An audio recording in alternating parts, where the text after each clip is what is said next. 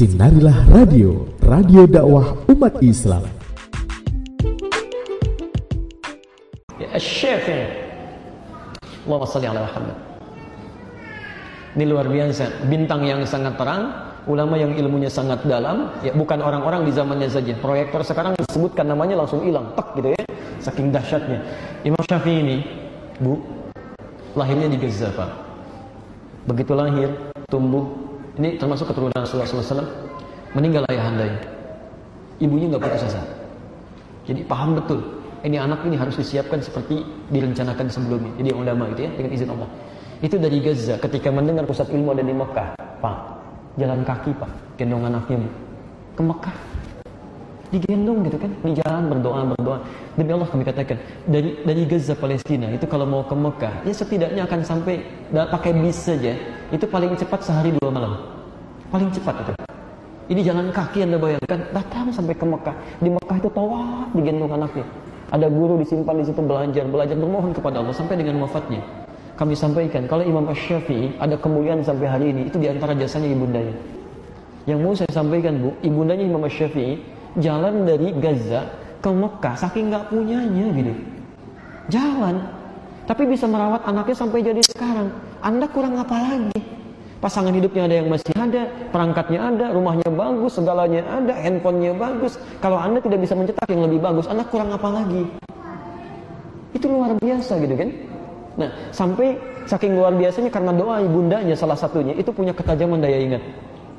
Satu kali beliau ingin belajar ke Imam Malik. Ya, ini hidup zaman dan adabnya saling belajar. Ya, datang ke tempat Imam Malik, kalau kita beginilah, majlisnya dibuka hari Rabu, datangnya hari Selasa. Datang hari Selasa. Maka adabnya tidak memaksa untuk belanja. Ya, beda gitu kan? Ini orang alim luar biasa, nggak ngetok-ketok, nggak pencet bel, tungguin gitu kan? Lihat, yang paling luar biasa Begitu ditunggu ya, sampai besoknya tiba-tiba qadar Allah sampai majlis dibuka keesokan harinya Imam Malik keluar ingin ke majlisnya dikatakan pada asistennya iftahul bab fi syamun yantadir tolong bukakan pintu ada seorang pemuda yang sudah nunggu kelamaan katanya tapi nggak disampaikan sebelumnya karena nggak pernah ketok pintu dia aja ya. begitu dibuka ini kisah populer sekali begitu dibuka pintunya datang menghadap kata Imam Malik mada turid apa yang kamu inginkan saya ingin hadis katanya karena Imam Malik itu ahli hadis saya ingin hadis. Kata Imam kata Imam Malik, "Madza indak? Apa yang kamu punya?" Hafiltu al-Muwatta. Saya telah hafal kitab al-Muwatta. Al-Muwatta itu tebalnya segini nih. Jadi sambil menunggu majlis dibuka besok semalaman menghafal al-Muwatta. Dalam semalam menghafal al-Muwatta. Dicek oleh Imam Malik tidak ada yang keliru satu. Jadi kalau Anda belum bisa sedikitnya sebarisnya dari Imam Al-Syafi'i ilmunya, jangan mempersoalkan tentang ke keulamaannya. Ya, jadi Anda sebarisnya aja dari kalimat hafalan Asy-Syafi'i belum bisa menyainginya, maka jangan pernah mencela beliau dan merendahkannya itu itu luar biasa itu. Apalagi merendahkan sahabat itu keterlaluan. Ya.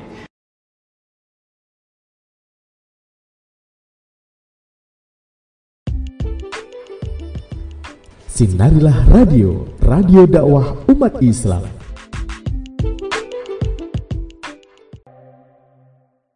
depan rumah saya ada tetangga yang berjual oh berjualan di warung. Tapi di warung itu dijadikan tempat untuk bergosip, bergunjing dan mereka yang berkumpul di warung itu suka iri-irian ke keluarga saya dan suka ngomongi keluarga saya. Apakah saya dan keluarga dosa apabila menjauhi tetangga seperti seperti itu? Teman-teman sekalian, gini gini gini. Ingat, keburukan jangan dibalas dengan yang buruk lagi. Kebaikan balas dengan yang baik, keburukan balas dengan yang baik. Maka lihat, lihat cara melihatnya jangan pakai selalu dengan akal. Lihat sini, lihat sini. Jika ada seseorang yang berbuat zalim kepada Anda, maka kaidahnya langsung mengatakan, lihat sini, kebaikan orang itu itu pindah kepada Anda. Kalau dia nggak punya kebaikan, nggak punya pahala, maka keburukan Anda ditransfer kepada dia. Itu rumusnya di hadis Muslim. Bisa. Kasusnya tadi di depan rumah Anda itu ada warung, tempatnya digunakan sebagai gosip. Yang digosipkan adalah Anda. Maka saat Anda digosipkan itu, itu dosa-dosa dia, teman-teman sekalian, bertambah. Pahala dia dipindahkan kepada Anda, pahala Anda kemudian bertahan nambah banyak. Kalau dia nggak punya pahala lagi, dosa Anda ditarik sama dia. Nah, yang kedua, yang kedua ini masih di dunia. Yang kedua, setiap dibicarakan, dibicarakan, baru namanya disebutkan tuh langsung pindah pahalanya. Dosa orang itu ditarik. Kalau sudah disebutkan keburukan-keburukannya, maka keburukan itu akan dibuat oleh Allah jasad orang yang dibicarakan dalam bentuk bangkai. Misal, saya dibicarakan oleh Anda. Setelah pulang dibicarakan Ustaz Adi itu ya, begini, begini, begini. Misal ya. Nah itu saat Anda bicarakan, baru disebutkan namanya, pahala Anda pindah kepada saya. Kalau Anda sebutkan hal yang buruk tentang saya, maka akan dibentuk oleh Allah jasad saya dalam bentuk bangkai. Di akhirat nanti kalau Anda tidak tobat tentang dosa itu, maka siksaan pertama di akhirat Anda akan diminta memakan bangkai itu. Ah, ayuhibbu ahadukum an ya'kula lahma akhihi maitan fakarihtumu. Itu yang dimaksudkan Quran surah ke-49 dalilnya Al-Hujurat ayat 11 sampai dengan 12. Awas hati-hati. Wala yaghtab ba'dukum ba'dha. Jangan saling bergosip, jangan saling awas hati-hati menggunjingkan orang lain. Ayuhibbu ahadukum an ya'kul lahma akhihi maitan fakaritumu. Apa mau nanti saya sediakan mait saudara yang dibincangkan itu, yang digunjingkan itu, pada hari kiamat saya minta makan oleh Anda sedangkan Anda tidak menyukainya. Jelas ya? Maka kalau mau gosip, pikir-pikir dulu. Kalau Anda digosipkan oleh orang lain, dan Anda tahu tentang itu, teman-teman sekalian, maka apa yang harus Anda lakukan pertama kali? Pertama, mendoakan orang itu supaya Allah bimbing dia agar menghindari perbuatan buruk yang serupa. Doanya panjatkan di waktu-waktu mustajab dalam tahajud, sebut namanya. Jangan minta diteruskan. Ya Allah terus, ya Allah terima kasih kau kirimkan pahala kepada saya lewat orang-orang yang gosip itu. Biarin aja ya Allah terus aja mereka gosip ya Allah tambahkan pahalanya ke saya, kurangi dosa-dosa saya ya Allah biar diambil oleh mereka. Terus begitu lewat di depan mereka dikasih tahu lagi terima kasih ya gosip aja kemarin dosa saya udah diambil sama kalian. Nambah dosa. Nambah dosa. Terus bikin status setelah itu. Alhamdulillah Allah tambahkan dosa bagi saya karena digosipkan oleh orang-orang dekat warung itu. Uh, tunjuk lagi. Balik lagi pahalanya pada orang itu. Di malam-malam tahajud Anda berdoa, minta pada Allah, ya Allah, dia tetangga saya. Ya Allah, dia teman saya. Kami saling melihat, kami saling bertetangga. Jangan pisahkan kami di surga ya Allah. Ya Allah ampuni dosa mereka ya Allah. Bimbing mereka supaya tidak memperlakukan dengan buruk. Bimbing mereka supaya tidak berbicara dengan buruk. Sinarilah Radio, radio dakwah umat Islam. Awas. Satu kali Nabi bertanya pada para sahabat, sedang kumpul-kumpul begini kata kesaksian Abu Hurairah. Atadrun al-muflis, tahukah kalian orang yang bangkrut itu? Kata sahabat, Qulna ya Rasulullah, perhatikan. Al-muflisu fina ma la dirham lahu wa la mata'. Ya Rasulullah, menurut kami orang bangkrut itu yang sudah nggak punya uang sepeser pun tak ada aset sedikit pun. Logis ya? Uang nggak punya, aset tidak ada. Kata Nabi perhatikan, al muflisu min ummati. Orang bangkrut dari umatku, garis bawahi umatku. Nabi tidak mengatakan umat Musa, umat Isa, tapi umatku. Jadi ada orang yang mengaku umatnya Rasulullah, tapi bangkrut di akhirat nanti, amalnya bangkrut. Siapa mereka? Ya'ti yaumal qiyamati bi salatin. Datang di hari kiamat dengan pahala salat yang banyak ditunaikan. Salatnya rajin. Wasyamin puasanya rajin. Jangankan yang fardu yang sunnah dikerjakan. Wa zakatin zakat tidak pernah tertinggal. Cuma sayang, perhatikan. Wa ya'ti hadha. Cuma sayang juga dia salat tapi suka mencela orang lain. Wa hadha pernah nuduh orang lain. Wa akala mala mengambil harta orang lain tanpa hak yang dibenarkan. Masya Allah. Sholat ke masjid, begitu keluar dari masjid, ih kayaknya sendal saya, kayaknya sendal saya, padahal bukan. Datang nggak pakai sendal, pulang pakai sendal, tidak hak. Wadaraba bahada senang berselisih. Baru mau sholat sudah berselisih. Istau, ada yang belum rapat. Hei, rapatkan tuh. Emang kenapa? Ah. Baru mau sholat itu, belum dapat pahala, sudah berselisih. Ya. Masya Allah. Hada. Bahkan yang puncaknya, ada yang menumpahkan darah dan menyebutkan nama Allah di situ. Allahu Akbar tembak orang. Allahu Akbar bunuh orang. Allah tanpa dibenarkan, tanpa dibenarkan. Perhatikan, yang seperti ini tukhadu hadza min hasanatihi wa min hasanatihi. Kalau ada orang berbuat satu kebaikan lalu berbuat kejelekan, maka kebaikannya akan diberikan kepada orang yang dizalimi itu. Ibu bapak tarawih, begitu keluar dari sini ada orang yang lewat misalnya. Kita celah. Kamu usia sudah dewasa nggak tarawih juga, apa nggak malu sama Allah? Masya Allah dihabisin itu satu paragraf. Dah, orang itu belum sholat. Saat kita selesai sholat, itu pahala kita langsung diberikan pada orang tadi. Padahal orang itu belum sholat. Ternyata diketahui sholatnya nanti malam. Tuh, belum sholat aja udah dapat pahala. Ya, Masya Allah, hati-hati itu. Hati-hati. Saya hari Ahad lalu, itu satu sesi dengan Agim itu. Jadi beliau menyampaikan pengalaman satu kali saya menegur seorang bapak di masjid katanya kan.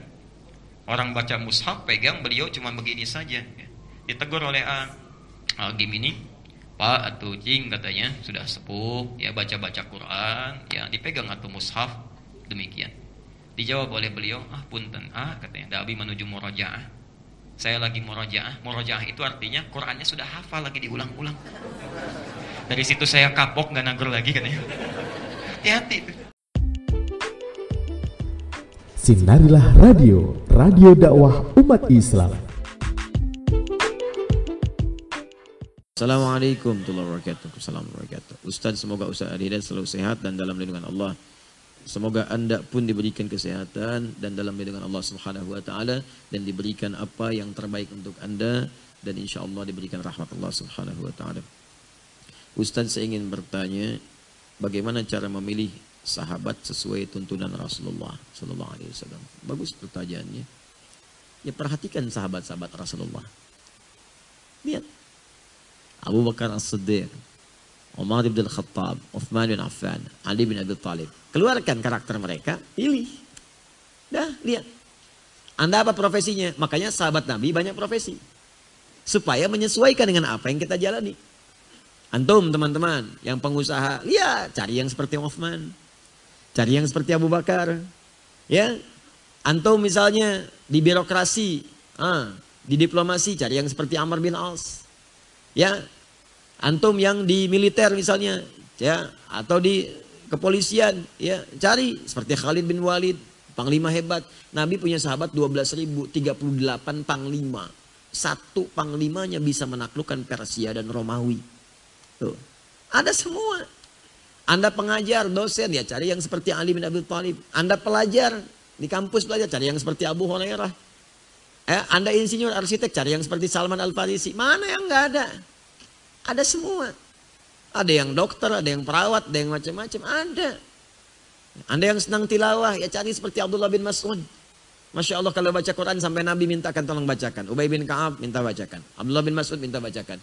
Ya Rasulullah kan anda yang Nabi kan gak salah saya pengen dengar bacaan anda. Saking indahnya Nabi sampai dengar. Sampai satu kali Abdullah bin Mas'ud keluar. Menghadap kepada Nabi. Ya Rasulullah ada kejadian kenapa? Saya baca ayat tadi tiba-tiba angin kencang datang pohon beriu. Saya diam sebentar, diam lagi. Saya baca lagi, tiba-tiba makin kencang lagi. Saya takut, saya tinggalkan tempat itu. Saya menghadap anda. Kata Nabi, Masya Allah, Nabi bahagia. Kamu nggak teruskan. Kalau kamu teruskan, hancur tuh tempat. Kenapa ya Rasulullah? Karena malaikat saking indahnya bacaanmu, malaikat banyak yang turun ingin mendengarkan bacaanmu. Kalau engkau turun, teruskan, hancur tempat. Makanya sampai sekarang nggak ada bacaan yang seindah Abdullah bin Mas'ud. Oh kalau di sini ada yang begitu, hancur komplek KBP itu. Nah, tapi setidaknya cari bagaimana bisa begitu indah bacaan, enak. Cari itu kualifikasinya. Nah, bagaimana mereka mereka bisa seperti itu? Pebisnis yang hebat, sukses bisnisnya, tapi juga masih bisa sholat, bahkan tahajud nggak tinggal. Bukalah kitabnya Imam An Nawawi, At-Tibyan fi Adab Hamalatul Quran. Diterangkan oleh beliau Uthman bin Affan, Tamim Ad-Darid, Abdurrahman bin Auf. Itu sukses semua. Abdurrahman bin Auf pebisnis sukses, kapak terbuat dari emas saking suksesnya. Tapi dalam bisnisnya hampir nggak pernah tinggalkan tahajud dalam hidupnya. Uthman tahajud. Bahkan ada di antara mereka tahajud sampai khatam Al-Quran. Gimana tuh mengatur waktunya? Tilawahnya tuh jalan terus. Tahajud jalan, duha jalan. Jamaah di masjid salatnya. Silahkan baca sirah. Silahkan baca teman-teman sekalian. Ya, yang birokrat begitu juga. Sholatnya jalan, tahajud jalan. Dan rata-rata hafal hatam Quran, hafal Quran. Hatam Quran, hafal Quran, ahli Quran, ahli tahajud, hafal hadis juga. Ya, bagaimana mendidiknya seperti itu? Nah keluarkan kemudian turunannya. Di antara rumusnya, cari rumus pertama yang Al-Baqarah ayat ke 2 sampai 5 itu. Pertama kalau ingin cari teman, cari orang takwa. Ya, dzalikal kitabula raiba fi. Hudalil muttaqin. Pengertian terbaliknya, ya Al-Qur'an memberi petunjuk pada orang takwa. Pengertian terbaliknya, orang takwa dapat banyak petunjuk dari Allah. Ya, banyak petunjuk. Dan ayat limanya tidak sekadar petunjuk. Ulaika ala hudamir wa ulaika humul ada orang-orang yang diberi petunjuk terus oleh Allah. Ala hudan itu nempel terus. Di rumah tangga dapat petunjuk, di kantor dapat petunjuk. Diberi petunjuk semua. Di mana pun beraktivitas diberikan kemudahan oleh Allah. Makanya hidupnya bahagia. Siapa orang-orang ini? Lihat cirinya. Pertama, alladzina yu'minuna bil ghaib. Bukan amanu tapi yu'minun. Amanu telah beriman. Yu'minun terus mengupgrade keimanannya. Nambah lagi, nambah lagi, nambah lagi. Jadi kalau Anda ingin cari sahabat yang baik, pertama tidak ada yang lebih baik daripada orang beriman. Cari yang beriman. Tapi bukan iman biasa. Orang yang terus meningkatkan keimanannya. Jadi kalau Anda bergaul dengan orang seperti ini, Allahu Akbar. Tenang ke hati, enak, nyaman. Di Anda melihat dia aja udah tenang. Apa cirinya? Cirinya pertama dia rajin sholat. Jadi kalau ada orang beriman, di antara orang beriman itu yang terbaik cari yang rajin sholat. Kalimatnya menggunakan kata as-sholat. Ya, as-sholat. Ini karena musim hujan, papan tulis gak ada. Biasa ini. Ya. Nah, kalau nggak musim hujan biasanya ada tuh. Ya, jadi saya bisa menulis. Kalau sekarang ya bayangkan aja. Ya, bayangkan. Ya, bayangkan. Ya, mungkin ada sesuatu hal yang luar biasa terjadi sehingga papan tulis pun tidak ada. Baik, as-sholat. As-sholat itu bisa dituliskan dengan tiga. Alif, lam, bayangkan aja, bayangkan. Ya. Ya nggak apa-apa, nggak apa biasa ini biasa. DKM bayangkan aja. Ya. Alif, lam, sod, lam, alif, tak marbutah. Satu. Dua, alif, lam, sod, lam, wawu, alif, tak maftuhah. Terbayang? Nah, bayangkan ya. tiga, tiga, alif, lam, sod, lam, wawu, di atas wawu ada alif tegak, tak marbutah. Satu, alif, lam, sod, lam, alif, tak. Satu kali sholat. Dua, alif, lam, sod, lam, wawu, alif, ta, maftuha. Jama, banyak, sholat tapi dibatasi. Kalau ada tulisan begitu, artinya sholat fardu. Contoh Al-Baqarah 238. Surah kedua, ayat 238. Paling kanan di pojok, atas. Hafidhu ala salawati wassalatil wusta wa qumu lillahi qanitin. Jagalah oleh kalian saling menjaga tuh. Bukan bukan ihfadhu, jadi ada hafidho yahfadhu, ada hafadho yuhafidhu. Ilmu sorofnya dipakai. Sorof, ilmu sorof, ilmu sorof, mufa'ala. Hafadho yuhafidhu artinya alifnya saling. Hafidhu saling menjaga. Kalau saling itu berarti orangnya bukan satu. Banyak. Ya prakteknya bagaimana? Di keluarga ada berapa? Ya jumlah anggota keluarganya. Ada lima kah, enam kah, tujuh kah dan sebagainya. Saling jaga, ingatkan yang lain. Suami mau berangkat kerja, istri WA, sayang, Jangan lupa sholat ya. Mama sudah siapkan di belakang pakaiannya, minyak wanginya lengkap semuanya. Mohon dalam sholat, mohonkan pada Allah supaya rumah tangga kita dijaga dalam kebaikan. Dan insya Allah kita berkumpul di surga, insya Allah rezeki mudah. Enak, langka. Jumatan istri siapkan, sholat ingatkan. Suami WA lagi, ya sayang insya Allah sehat. Mama juga jangan lupa ya, walaupun di rumah, mah jangan sampai sendirian. Sholat jamaah, ajak si teteh, ajak adik, kalau nggak ada, ajak KRT kita. Mudah-mudahan dikumpulkan lagi di surga. Kalau begitu saling mengingatkan enak. Gak apa-apa, coba aja walaupun belum pernah dicoba, coba ya, coba bu. Ibu besok nanti ya, suami misalnya beraktivitas atau hari Senin, kirimkan WA. Papa, sholat ya Pak ya, mudah-mudahan rezeki dilimpahkan, kita dijaga oleh Allah. Jawab oleh suami, tumben mah. Gak apa-apa. Ya sekali-kali mesti tumben. Mungkin dengan tumben ini pahala kita diniatkan. Jawab lagi oleh suami. Cie-cie. Nah. Ya mungkin kalimat cie-cie itu yang akan memberatkan hisap kita di hari kiamat. Kalimat yang terakhir. Iya mah, papa bercanda. Mudah-mudahan canda ini pun menghadirkan kita di surga insya Allah. Tenang tuh masalah beres aja. Ya, kadang-kadang banyak persoalan selesai dengan kalimat atau hanya dengan di atas sejadah. Ya, Baik, sampai mana tadi kita ya? Sampai ke situ. Nah, jadi kembalikan ke awal tadi. Siapkan, siapkan, siapkan, mintakan kebaikan kepada Allah Subhanahu wa taala. Kalau ada orang beriman cari yang sholat. Nah, yang ketiga, ketiga. Jadi kalau as-salawat tadi fardu, ya, jamak bentuknya. Hafidhu ingatkan, saling ingatkan, ingatkan, ingatkan. Alas salawat bentuknya jamak tapi terbatas. Yang dimaksud sholat fardu. Karena sholat fardu jamak lima. Lima. Terbatas, dibatasi lima, nggak boleh kurang, nggak boleh lebih. Lima waktu kan? Ya rumusnya, awas nomor teleponnya online dengan Allah dalam salat fardu 24434. Ya, itu nomornya. Ya, dua subuh, empat zuhur, empat asar, tiga maghrib, empat isya, dua empat empat tiga empat lima waktu. Jadi kalau salat cuma empat waktu berarti kurang. Kalau enam waktu terlampau soleh. Ya, lima cukup. Nah, di atas itu ditambah dengan nafilah, nawafil, hukumnya sunnah. Kalau ada yang begitu berarti bentuknya jama lebih banyak lagi. Di antara tulisannya alif, lam, sod, lam, waw, alif tegak di atasnya tak marbutah. Al-Baqarah ayat 3 tulisannya bentuk yang ketiga ini. Jadi kalau Anda ingin cari teman, teman yang baik, menurut pilihan Rasulullah, dicek ketentuan di Al-Quran. Cari orang beriman yang rajin sholat. Di antara orang yang sholat, cari yang berjamaah. Di antara yang berjamaah, cari yang paling banyak sholatnya. Rajin tahajud, rajin sholat duha. Demi Allah saya katakan kalau menemukan yang begini, pasti di teman yang baik.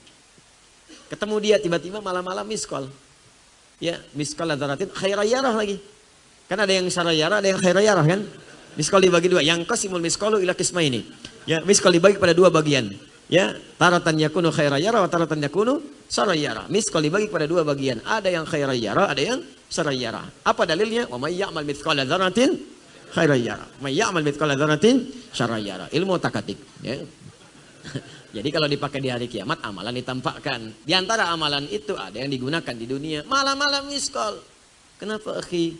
Akhi, Khawatirnya malam ini kita wafat. Tahajud yuk. Makanya ada tahajud call. Bangun. Bikin grup WA setelah itu. Ingatkan baca Al-Quran. Ingatkan baca hadis. Dikirimkan ayat. Tumben ngirim ayat. Bukan tumben. Kita kebanyakan tuh baca dunia kemarin. Takut lisan kita itu banyak salahnya dibanding baiknya. Yuk setidaknya ada hari ini kita baca satu ayat. Kirimin, kirimin. Jadi kalau sudah begitu. Ngajak sholat, ngajak ini sunnah diingatkan sholatnya. Itu orang baik. Kalau ada yang seperti itu yang lebih baik lagi, wa mimma razaqnahum yunfiqun. Infak. Infak itu kan beda dengan zakat, lain. Infak itu lebih luas. Lebih luas lagi infak itu memberi ngasih infak itu pemberian berupa materi. Ya, bukan cuman uang. Bisa dengan pakaian, bisa dengan makanan, dengan macam-macam. Ada ahli sholat. Ahli sholat plus infak lebih baik lagi daripada yang kedua. Ya, jadi yang pertama kan orang beriman. Orang beriman, yang kedua orang sholat. Kalau ada orang sholat, sholatnya rajin, cari yang ini sebagai teman. Yang ketiga ahli sholat dan rajin infak, suka berbagi, suka memberi, kadang-kadang di kantor ngajak traktir, gitu kan? Ngajak, ngajak perhatian pada Anda. Anda sulit datang ditengok, sakit ditengok, ada orang tua sakit, orang tua Anda ditengok juga, itu orang baik. Jaga tuh orang itu. Ada lagi yang lebih hebat. Walladzina yu'minuna bima'un zila ilaik Al-Quran. Ahli Quran. Udah kalau sudah dia di ahli Quran dan ahli Qurannya benar, pasti orang baik. Udah itu kalau jadi ahli Quran dengan benar, udah pasti ahli sholat, pasti ahli infak. Demi Allah saya katakan, kalau ada ahli Quran yang benar, itu udah pasti ahli sholat, ahli infak. Sholatnya rajin, infaknya rajin. Ngasih, ngasih, ngasih, ngasih. Udah pasti itu. Kalau Qurannya benar, kalau nggak benar ya sudah ahli minta. Hmm, udah. Ahli minta, ahli minta, ahli minta. Tapi kalau benar Qurannya, Allahu Akbar. Dah, dah. Ya ada itu kesaksiannya Nabi langsung. Langsung dari Nabi. Hadisnya di Al-Bukhari. Ya Al-Bukhari menerima dari Hajat bin Minhal. Hajat bin Minhal menerima dari Syu'bah. Syu'bah menerima dari Alqamah bin Marthad. Alqamah bin Marthad menerima dari Sa'ad bin Ubaidah. Sa'ad bin Ubaidah menerima dari Abu Abdurrahman As-Sulami. Abu Abdurrahman As-Sulami menerima dari Uthman bin Affan dan Ali bin Abi Talib radhiyallahu taala anhuma. Dari Nabi sallallahu alaihi wasallam beliau bersabda, "Khairukum man ta'allamal Qur'ana wa 'allama." Al-Bukhari hadis 4719. Jadi saya boleh tambahkan sanad karena ada yang berkata ini nomor aja gitu kan kalau kami sanad ya saya tambah sanad lah supaya diketahui juga. Tapi yang penting bukan itu, yang penting hadisnya ada bisa disampaikan. Jangan ribut pada yang tambahan-tambahan. Untuk apa meributkan kalau hadisnya ada ya pakai. Eh, nomor diribut ini beda cetakan bisa beda nomor. Itu untuk memudahkan saja. Kalau kitabnya sama ketemu kalau nggak ada cari hadisnya. Kalau ada hadis itu bagus walaupun nomor beda. Yang repot itu ada nomor hadis nggak ada. Ya kan? Ya, kalau hadisnya ada ya sudah nggak usah ribut ngapain ribut, ya kan? Nah, capek seperti itu. Kata Nabi, yang terbaik di antara kalian adalah orang yang belajar Al-Quran dan mampu mengamalkannya. Cari ahli Quran. Yang terakhir, ya wabil akhirati hum yukidun. Cari ahli akhirat, cari ahli akhirat. Ahli akhirat itu ikhlas. Lillah karena Allah. Ya, berteman dengan Anda karena Allah. Makanya mengingatkan Anda pada kebaikan, mencegah dari keburukan. Itu orang baik tuh. Begitu ada keburukan, saya mau ke sini lu ke mana akhi? Ini ada pertemuan di sini, di mana tempatnya? Di klub ini, jangan akhi. Takutnya maksiat, walaupun antum gak kerjakan, kan ngeliat di situ. Ngeliat. Ya, pakaian-pakaian terumbar aurat, terlihat. Dosa, nggak dilihat juga. Sayang, gitu kan. Kalau udah masuk, kalimat kalimat-kalimat itu kan akhirnya muncul, udah tinggalkan aja, tinggalkan, tinggalkan. Ya, Jelas ya? Nah, itu teman yang baik. Semoga Allah muliakan Anda dan dengan pertanyaan ini alhamdulillah saya senang dengan pertanyaan itu artinya Allah sedang menanamkan pada diri Anda perubahan untuk menjadi lebih baik.